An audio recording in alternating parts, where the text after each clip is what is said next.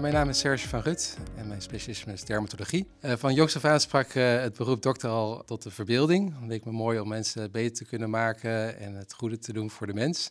En daarnaast uh, vond ik het heel mooi, of ik nog steeds eigenlijk, hoe het menselijk lichaam in elkaar zit qua, qua functies en organen. En dat maakte eigenlijk al vrij snel duidelijk dat ik geneeskunde wilde studeren, zonder dat ik nou meteen wist wat voor dokter ik wilde worden. Op een dag denk je van, goh, ik ga dermatologie studeren, maar waarom? Nou, het mooie van het vak dermatologie is dat je mensen van alle leeftijden ziet. Van jongs af aan, van baby naar puber, volwassenen en ouderen. Uh, mannen en vrouwen, ieder met hun eigen huidproblemen. En het is een heel uh, visueel ingesteld vak en uh, met, ja, heel tastbaar. Dat wil zeggen, door goed te kijken kan je de diagnose stellen. Je voert de behandeling uit en van je handelen zie je ook meteen het resultaat. En uh, dat kan zijn dat je iets voorschrijft, dat kan zijn dat je iets weghaalt of dat je uh, laserbehandelingen doet. En uh, ja, over het algemeen kan je mensen met een huidaandoening heel goed helpen. Dus het is een heel dankbaar vak waar je veel voldoening uit krijgt. En ja, huidafwijkingen kunnen heel veel impact hebben op iemands leven. het kan zijn dat het pijnlijk is of dat het jeuk geeft, waardoor je moeilijk in slaap kan komen. Of dat het op zichtbare plekken zit en dat mensen zich ervoor schamen. Of uh, dat mensen het vervelend vinden dat er een spoor aan schilfers worden achtergelaten. En door die mensen goed uh, te kunnen helpen, ja, is, dat een, uh, is dat een heel dankbaar vak.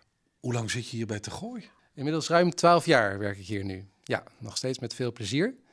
Ik heb ook een deel van mijn opleiding hier uh, gelopen. Dat is nog wat langer geleden, maar nu ruim 12 jaar in Tergooi. Je bent hier terechtgekomen en dacht, goh, wat een mooi ziekenhuis. Hier uh, wil ik langer blijven. Klopt. Ik heb hier uh, een, een, jaar eigenlijk stage gelopen in het kader van de opleiding.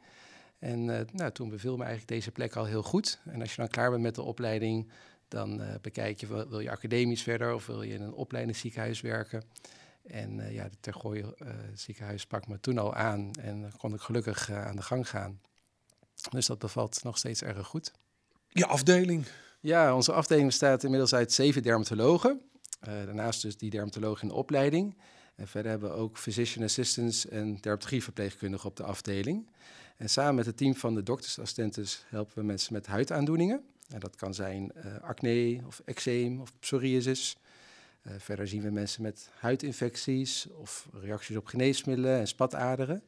En natuurlijk heel veel mensen die langskomen vanwege moedervlekken of plekjes op de huid die ze niet vertrouwen en dat ze misschien bang zijn voor huidkanker. Je hebt dermato-oncologie als aandachtsgebied. Ja, inderdaad, dermato-oncologie beheerst alles wat met uh, huidkanker te maken heeft. Dus dat betekent het uh, stellen van de diagnose en het behandelen van huidkanker, maar ook de voorstadia daarvan. En dat is echt een, uh, ja, in de afgelopen jaren enorme vlucht genomen. Het is nu zelfs zo dat van alle mensen in Nederland die kanker krijgen, meer dan 50% huidkanker betreft. Dus dat heeft veel aandacht gekregen van iedereen. En het is mooi dat je daarin kan verdiepen. En binnen die dermato-oncologie heb ik dan extra aandacht voor de melanoomzorg. Maar dat is dan wel eigenlijk een zorgelijke ontwikkeling. Ja, zeker. Het zijn enorme aantallen die op ons afkomen. Uh, gelukkig kan je de meeste mensen goed behandelen. Maar het zijn hele grote aantallen en dat heeft ook de aandacht gekregen van de politiek en van de zorgverzekeraars. Om te kijken van ja, hoe kunnen we die zorg het beste vormgeven? Want met alleen dermatologen gaat dat niet lukken. En vandaar dat we ook physician assistants hebben die ons daarbij helpen om bijvoorbeeld mensen met voorstadium van huidkanker te behandelen. En uiteraard kunnen huisartsen ook een deel van die huidkankerzorg op zich nemen. Er wordt wel voor gewaarschuwd, maar toch. Ja, dat is ook zo. Kijk, wij hebben als uh, Nederlanders natuurlijk een blanke huid, wat eigenlijk niet uh, geschikt is voor uh, gebieden waar veel zon komt ja, deels komt natuurlijk door zon uit het verleden, wat je niet meer kan opheffen. Maar nog steeds zijn er mensen die veel in de zon uh, verblijven en toch nog extra schade oplopen. en dus nog steeds een hogere kans hebben op huidkanker. En in onze Tergooi-regio is denk ik, uh, ja, zijn de aantallen huidkanker nog wat groter dan gemiddeld in Nederland. Dat heeft aan de ene kant te maken met de wat hogere leeftijd vergeleken met Amsterdam en Rotterdam. Maar ook dat hier veel mensen wonen die bijvoorbeeld in het buitenland hebben gewoond. Of uh, vaker op vakantie zijn geweest. Of uh, meer buiten recreëren. We hebben natuurlijk Loostrecht, waar veel mensen een bootje hebben. En er wordt veel getennist en gegolfd. Dus ja, dus nog steeds eigenlijk te veel zonexpositie zonder bescherming. Wat heeft geleid tot die enorme aantallen huidkanker. Dus je zegt eigenlijk smeren, smeren, smeren. Uh, ja, kijk, je moet echt niet bang zijn voor de zon. Hè? Want buiten verblijven is natuurlijk ook goed voor vitamine D en voor welbevinden.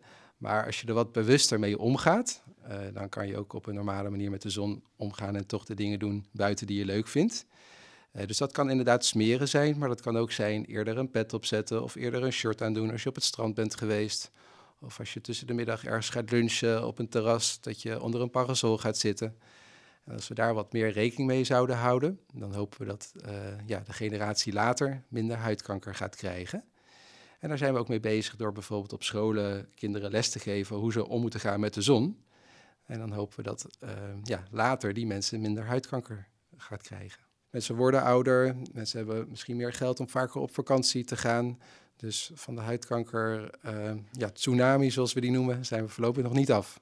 En dan heb je ja, een aantal soorten huidkanker. En welke zijn dat? Ja, de drie meest voorkomende vormen van huidkanker zijn basaalcelcarcinoom, plaveisselcelcarcinoom en melanoom. Um, het meest voorkomend is het basaalcelcarcinoom. Dat ontstaat uit de diepe lagen van de opperhuid waar de nieuwe cellen worden aangemaakt. Uh, dat uit zich vaak als een glanzend bultje wat groeit, waar korstjes op komen, wat open kan gaan en kan gaan bloeden. Maar dat blijft altijd lokaal, dus dat kan verder nooit uitzaaien en dat is altijd goed te behandelen. Dus dat is de grootste groep van mensen met huidkanker. Uh, daarnaast heb je het plaveisselcarcinoom. Uh, dat komt voor dat komt, ontstaat uit de buitenste laag van de opperhuid. En dat presenteert zich meestal als een, als een bult die groeit, of pijn doet, of gaat bloeden. Of een zweer wat maar niet geneest. En dat moet ook uh, weggesneden worden, want in zeldzame gevallen kan dat naar de lymfeklieren gaan. Nou, in die groep, plaveisselcarcinoom en basaalcelcarcinomen, dat is ongeveer 90% van alle soorten huidkanker. En dan heb je nog de groep van melanoom. Hè, dat gaat uit van de pigmentcel, oftewel de melanocyt. En dat is in potentie wel een gevaarlijke vorm van huidkanker. Dat kan ook naar de lymfeklieren gaan en uitzaaien. Dus daar zijn we extra alert op. En daar hebben we het vandaag dan ook over, over het melanoom. En daarnaast heb je nog wat zeldzame vormen van huidkanker. Maar uh, ja, het is eigenlijk de, de big three waar altijd over gesproken wordt. Je zegt het al, we gaan het over uh, de melanoom hebben. En wat is dat precies en hoe vaak komt het voor? Ja, een melanoom is dus een kwartaardigheid vanuit de moedervlekcel. Uh, jaarlijks worden in Nederland zo'n 7000 mensen gediagnosticeerd met de diagnose melanoom. En als je dat doorberekent, dan is inmiddels de kans dat iemand dat in zijn of haar leven krijgt ongeveer 1 op 50 geworden. En die cijfers die stijgen helaas nog. Uh, als je de berekeningen doorvoert, dan is de gedachte dat in de aankomende 10 jaar het aantal melanoomdiagnoses met 50% gaat stijgen. Dus dat is een behoorlijke toename. Um, en wat ik zei, in onze Tergooi-regio hebben we dan weer meer huidkanker dan gemiddeld. Dus dat is zeker een bron van zorg, maar ook van aandacht wat nodig is om dat goed te kunnen behandelen. Dan heb je het over 50 procent. Waar moet ik dan aan denken? Ja, dat gaat om, om duizenden mensen die er dan per jaar bij gaan komen, die op ons afkomen, zeg maar. Gelukkig uh, zijn de ontwikkelingen wel zo dat de melanomen die we ontdekken vaak, vaker in een vroeger stadium uh, tot ons komen. Dus mensen zijn meer bewust dat ze huidkanker kunnen krijgen en komen eerder met een onrustig plekje. Huisartsen zijn daar ook voor getraind. Uh, wij hebben ook een apparaatje wat we op een moedervlek kunnen zetten, wat het vergroot en met een speciaal soort licht dat je als het ware door de huid heen kan kijken en de moedervlek beter kan beoordelen, zodat je ja, in zo vroeg mogelijk stadium een melanoom vaststelt, want dan zien de vooruitzichten er gunstig uit. Terwijl als mensen ja, laat komen met een gevorderd melanoom, ja, dan kan het ook een sombere vooruitzicht geven. Ik schrik er eigenlijk wel van wat je zegt. Nee, dat klopt. Uh, kijk, de, term melanoom kan ook beladen zijn. Dus als, als wij de diagnose melanoom stellen, dan schrikt uiteraard iedereen van die diagnose. Uh, ja, sommige mensen hebben ook meteen doembeelden voor zich, uh, allerlei horrorscenario's, of ze kennen misschien iemand die overleden is aan melanoom. Dus dat kan ook. Hè. Daarom is het zo belangrijk om zo vroeg mogelijk dat proberen te vast te stellen. Maar gelukkig is het wel zo dat het merendeel van de mensen, dat we die goed kunnen behandelen en uh, op die manier kunnen helpen. Hoe merk je eigenlijk dat je een melanoom hebt? Ja, een melanoom is meestal te herkennen aan het plotseling verschijnen van een wat rode of lichtbruine of donkere vlek. En die kan in het begin dan ook op een moedervlek letten. Of het is te herkennen aan een moedervlek die verandert in grootte of in vorm of qua kleur. Of die gaat jeuken of gaat bloeden. De meeste melanomen ontstaan eigenlijk in de gave huid. En maar een klein deel bestaan uit, uh, ontstaan uit een bestaande moedervlek. Um, ja, in principe kan het op de hele huid uh, voorkomen. En in zeldzame gevallen kan het ook voorkomen in slijmvliezen. En in nog zeldzamere vormen komt het in het oog voor. En wat zijn de verschijnselen? Nou ja, het kan in het begin geen klachten geven. En pas in een later stadium dat het misschien gaat bloeden of uh, gaat pijn gaat doen. Maar als je een, een, een vlek ziet die verandert uh, qua kleur of qua vorm en dus anders is dan andere plekken op je huid, ja, dan kan je beter bij moedervlekken altijd aan de voorzichtige kant zijn om toch aan de bel te trekken. En wat dat betreft zeg ik altijd, je kan beter negen keer voor niks komen dan dat je één keer te laat komt. En welke mensen krijgen last van een melanoom? Jong, oud? Ja, iedereen kan een melanoom krijgen. Uh, het is over het algemeen zien we het wat vaker bij vrouwen dan bij mannen. En de gemiddelde leeftijd waarop een melanoom wordt vastgesteld is 62 jaar. En dat is veel jonger dan de andere vormen van huidkanker. Uh, de leeftijd van 62 jaar is een gemiddelde uiteraard. Dat betekent dat we ook jonge mensen zien van een jaar of 20 die een melanoom kunnen krijgen. En ook mensen op hoge leeftijd. Het is natuurlijk bekend dat zon een factor kan spelen, of dat zonnebanken in het verleden hebben bijgedragen aan het ontwikkelen van melanoom. Maar ook als je heel voorzichtig bent, met de zon bent geweest, kan je nog steeds een melanoom krijgen. Dus uh, ja, je kan ook altijd pech hebben. En dat klinkt altijd een beetje gek. Je kan het niet altijd voorkomen. Maar zijn er dan ook groepen die er extra gevoelig voor zijn? Ja, we weten dat mensen die, die aan zonnebank hebben gedaan, reguliere basis, dat die later, en dat kan dus echt tientallen jaren later zijn, een melanoom kunnen ontwikkelen.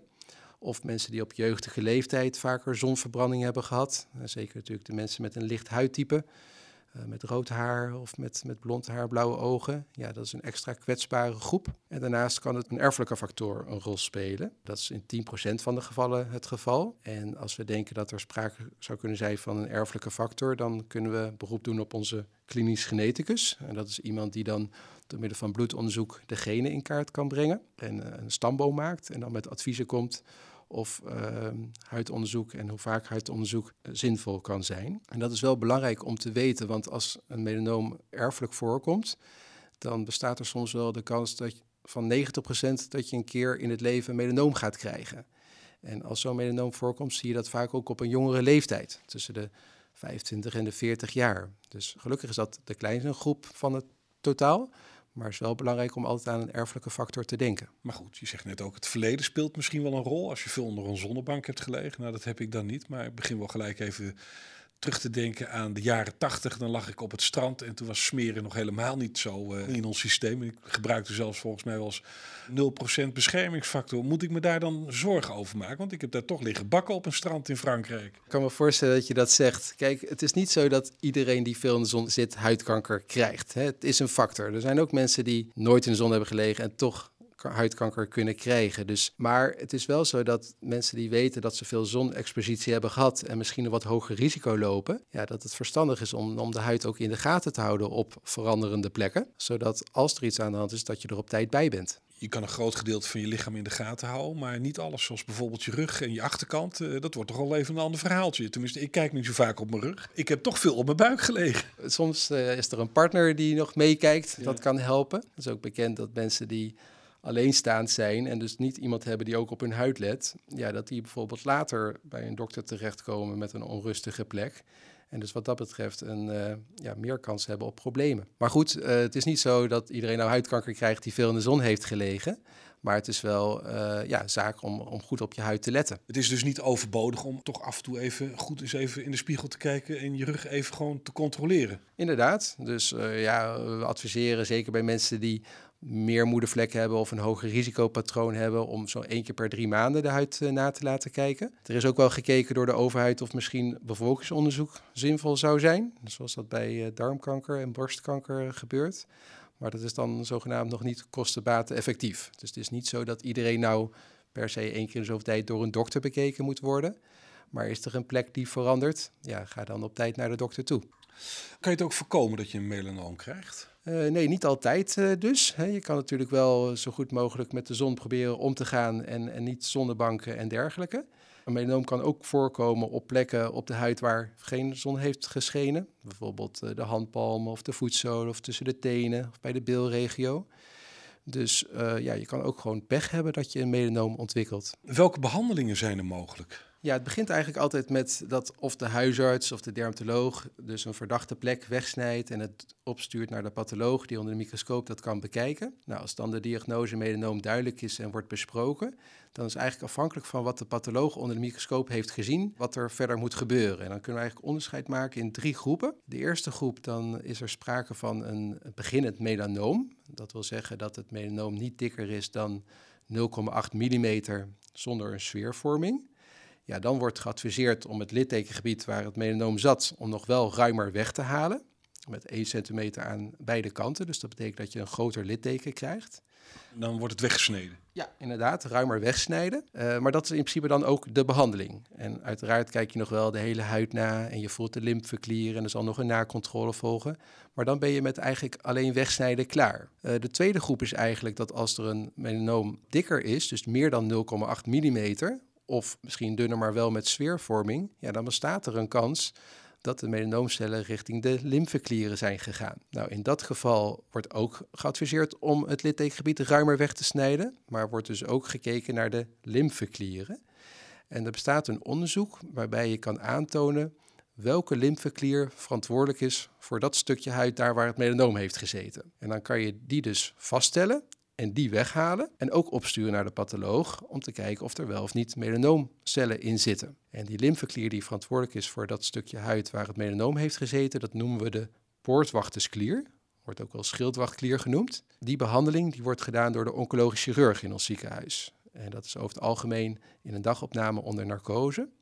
En afhankelijk of het wel of niet in de lymfeklier zit, bepaalt dan of je wel of niet er klaar mee bent. Dat is eigenlijk de tweede grote groep van melanomen. En daarnaast heb je nog de derde groep waarbij het melanoom bij de diagnose of later uitgezaaid is. Dus dat betekent dat de cellen elders in het lichaam terecht zijn gekomen. Ja, dan uh, moet je natuurlijk, dan red je het niet meer met alleen maar wegsnijden. En dan is immunotherapie nog een optie. Want we weten van melanoom dat het eigenlijk ongevoelig is voor chemotherapie of voor bestralingen. Maar immunotherapie kan wel nog goed helpen. En immunotherapie is een therapie waarbij het afweersysteem eigenlijk wordt versterkt, wordt geactiveerd, dat het extra actief wordt, zodat de kankercellen opgeruimd kunnen worden. En dat gebeurt doordat de immunotherapie de rem die kankercellen hebben op het afweersysteem, om die rem er vanaf te halen. En dan zie je toch nog in een bepaald percentage dat je daarmee alle melanoomuitzaaiingen weg kan halen, of dat je het nog voor een lange tijd goed kan onderdrukken. Nou, en die therapie die wordt gegeven in de gespecialiseerde centra. En wij sturen dan mensen meestal door naar het Antonie van Leeuwenhoek in Amsterdam, waar we goede banden mee hebben. En die mensen worden op die manier daar behandeld. Is er ontwikkeling in de melanoomzorg tussen vroeger en nu? Wat betreft uh, nu vinden we melanoom in een vroeger stadium. Dus dat is heel fijn, zodat die mensen ook beter te behandelen zijn. Dus de ontwikkeling dat we bijvoorbeeld gebruik kunnen maken van zo'n dermatoscoop op een moedervlek van dichtbij te kunnen bekijken, heeft daaraan bijgedragen. Nou, een andere ontwikkeling is dat met die schildwachtlierprocedure waar we het net over hadden. Vroeger was het zo dat als je een melanoom op een arm had, bijvoorbeeld alle lymfeklieren uit de oksel worden weggehaald. Nou, dat zijn enorme ingrepen met veel gevolgen voor de patiënt. Nou, en nu door alleen specifiek die lymfeklier weg te halen, en, en te onderzoeken, voorkom je heel veel leed. Uh, en er zijn dus ontwikkelingen op het gebied van de therapie. En dat is die immunotherapie waar we net over spraken. Dus ja, er zijn ontwikkelingen geweest. Er zullen nog heel veel ontwikkelingen volgen. En dat is uh, ja, en interessant en ook goed voor de patiënt. Heb je een voorbeeld van een verhaal over een patiënt waar je met extra voldoening op terugkijkt? Ja, kijk, over de jaren heen hebben we natuurlijk heel veel mensen met melanoom behandeld. En iedereen uh, reageert daar weer anders op. Hè? Dus iedereen heeft zijn eigen verhaal. Nu je het zo vraagt, ja, bijvoorbeeld twee jaar geleden heb ik een vrouw gezien van zo'n jaar 38 jaar. Uh, ja, jong gezin, staat vol in het leven en die kwam voor moedervlekcontrole. Maar die bleek bij onderzoek een verdachte plek te hebben. En die hebben we inderdaad weggehaald en bleek een melanoom te zijn. Gelukkig wel in zo'n vroeg stadium dat we het met wegsnijden uh, ja, goed konden behandelen. Maar die diagnose die kwam heel hard aan. Kon eigenlijk daarna de draad van haar leven niet meer goed oppakken. De hele tijd malen over de diagnose, slecht kunnen slapen, eh, minder geconcentreerd op de werk, vaak huilbuien. Ja, ze kon eigenlijk niet het van zich afzetten. En dat was eigenlijk heel, heel vervelend om te zien. Maar gelukkig konden we haar in dat jaar uh, ja, vaker spreken, wat vaker onderzoek gedaan. En uiteindelijk heeft ze ook hulp gekregen van een psycholoog. En daarmee is de diagnose melanoom natuurlijk niet weg. Maar daarmee kan je wel handvaten bieden, waardoor je het een, makkelijker een plek kan geven. En uh, ja, dat heeft zij ook gedaan. En ik zie haar nu af en toe nog eens met grote tussenpozen. En nu zie ik weer echt een stralende jonge vrouw binnenkomen die plezier heeft in het leven ja, dat is gewoon heel mooi om te zien dat je dan iemand op die manier toch goed hebt kunnen helpen. Hoe ga je dan met emotie om van patiënten? Ja, emoties horen erbij. Hè? En uh, zeker als je de diagnose melanoom bespreekt, ja, dan, dan komen er vaak emoties los. Hè? Dat kan natuurlijk zijn dat je verdrietig wordt. Maar we merken ook wel eens dat mensen boos worden of angstig worden. Dus dat is ook prima dat die emoties getoond worden en, en ruimte krijgen. Maar daarna is er ook altijd weer ruimte voor hoop. Want gelukkig kunnen we de meeste mensen goed behandelen met een melanoom. Maar ja, we letten er wel goed op, ook na de behandeling. Dus als mensen na de behandeling nog eens op controle komen, dan vragen we ook van, goh, hoe is het op lichamelijk vlak? Hè? Zijn er klachten van het litteken? Hoe is het op het geestelijk vlak? Of sommige mensen hebben nog problemen op het werk. En dat kan je heel goed meten door een zogenaamde lastmeter die we in Nederland gebruiken voor mensen met kanker waarbij je dat goed in de gaten kan houden om te zien of mensen ja, hulp nodig hebben voor ehm, bepaalde zaken of dat ze het gewoon zelf weer kunnen redden. Waarin onderscheidt de Gooi zich bij deze behandeling ten opzichte van andere ziekenhuizen, behandelcentra van huidziekten? Ja, ik kan denk ik met recht zeggen dat we in Tergooi de melanoomzorg goed op orde hebben. Uh, dat wil zeggen, we hebben korte toegangstijden. Uh, als we een verdachte plek vinden, wordt het snel weggehaald. We hebben mooie volle materialen, hè, dat je kan lezen over melanoom of hoe je zelf het lichaam in de gaten moet houden. We hebben ook filmpjes hoe je de huid het beste kan beoordelen. Uh, we hebben podcasts. Dus de informatie is goed en ook de samenwerking met alle collega's is uh, ja, prettig. Dat wil zeggen dat we natuurlijk veel contact hebben met pathologen, met de plastische chirurgen, met de oncologische chirurgen en de oncologieverpleegkundigen. En daar kunnen we heel laagdrempelig uh, naar verwijzen. Die stappen die mensen doorlopen, tijdens het proces van de melanoom, die zijn ook beschreven in een zorgpad. Daar hebben we ook een patiëntenversie van, die staat op internet. We hebben een zogenaamde infographic, waarop uh, onze adviezen ook in beeld zijn uitgedrukt en niet alleen maar uh, saaie teksten. Dus al met al denk ik dat wij dat wel uh, ja, goed voor elkaar hebben. Wat staat er in de toekomst te gebeuren op jouw vakgebied? Nou, wat we nu veel zien zijn natuurlijk de ontwikkeling van apps. Hè, die claimen dat ze een huidafwijking goed kunnen beoordelen. En aan de ene kant is dat een hele mooie ontwikkeling, want mensen zijn meer alert op hun huid en komen eerder met een, uh, een plek die ze niet vertrouwen. Maar wat we wel zien is dat de app nog niet zodanig betrouwbaar is dat je daarop kan varen. er wordt ook ongerustheid gewekt, terwijl als wij dan de plek zien, er eigenlijk niks aan de hand is. Maar ik denk wel dat hoe meer um, ervaring daarmee wordt opgedaan en grote ja, big data worden verzameld en artificiële intelligentie, dat op een gegeven moment misschien wel een computer of een app een melanoom in een nog vroeger stadium gaat zien dan wij met ons blote oog. En uh, ja, dat is een ontwikkeling die we omarmen. Uh, en we zijn niet bang dat zo'n app uh, de, het consult van de dokter overneemt, want altijd zul je ja, erover moeten praten, een duiding moeten geven of een vervolgstap moeten nemen. Maar ik denk dat ja, de appontwikkeling en, en programma's die daarbij worden ontwikkeld, dat dat echt iets van de aankomende jaren zal zijn. Hoe verloopt de samenwerking met huisartsen in de regio? Ja, we kennen de huisartsen eigenlijk wel goed. Hè, sowieso van uh, onze contacten en nascholingen. Het is zo dat als we iemand, uh, als we bij een patiënt de diagnose melanoom hebben besproken en we zien dat dat ja, behoorlijke impact heeft en dat er het een en ander op de patiënt afkomt, dan bel ik ook altijd even persoonlijk naar de huisarts om te informeren. En dan uh, neemt vaak de huisarts ook even contact op met de patiënt, wat enorm wordt uh, gewaardeerd. Ja, we doen veel aan nascholingen. Uh, vorig jaar hadden we nog een nascholing waarbij we samen met de huisartsen live patiënten gingen bekijken. Zodat we konden laten zien van nou, daar moet je op letten. Zo moet je de dermoscoop gebruiken. En dat was altijd iets waar we allebei veel, of aan beide kanten veel plezier aan beleefden. Dat kan vanwege de corona nu niet meer. Maar daarvoor in de plaats hebben we webinars, webinars georganiseerd. Uh, en hebben ook een soort van stroomschema's gemaakt waarin de huisarts kan zien wat, wat handig is om door te sturen of wat prima in de huisartsenpraktijk kan blijven. Dus die samenwerking die, eh, die verloopt heel erg uh, goed. Waar wil je jezelf vooral op blijven richten? Nou ja, ik heb me toegelegd op de melanoomzorg. Dus alle ontwikkelingen die daarop zijn, zal ik goed volgen. En, en de dingen die nuttig zijn, ja, meenemen in de zorg in Tergooi. En daarnaast vind ik het heel leuk om uh, kennis over te dragen. Ik ben tegenwoordig uh, opleider. Dat wil zeggen dat uh, de dermatologen in opleiding, dus de, de artsassistenten die dermatoloog willen worden, dat we die daarin begeleiden. We hebben ook afgelopen jaren physician assistants opgeleid. We doen nascholing aan huisartsen.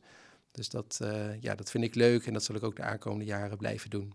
Physician assistants, wat ja. zijn dat? Ja, dat is een, een, een nieuwe term. Uh, dat zijn eigenlijk mensen die we opleiden om bepaalde taken over te nemen die de medische specialist uh, voorheen deed. Uh, zij doen dat onder supervisie van de medisch specialist. En wij hebben bijvoorbeeld op onze afdeling twee physician assistants die de makkelijke vorm van huidkanker ook kunnen behandelen, of de voorstadia van huidkanker. Uh, zodat ja, in de grote aantallen huidkankerzorg die we moeten leveren, uh, ja, de moeilijkere gevallen eigenlijk bij de specialist blijven, maar de makkelijke gevallen of bij de physician assistant behandeld kunnen worden of naar de huisarts. Als laatste vraag, wil je nog iets kwijt? Bijvoorbeeld uh, een tip voor de luisteraar? Ja, dermatologen en tips, dan gaat het altijd over de zon. Uh, en op zelf, wat ik al eerder zei, is je hoeft echt niet bang te zijn voor de zon, maar het is wel verstandig om bewust met de zon om te gaan. Hè? Dus inderdaad met kledingkeuze of met insmeren.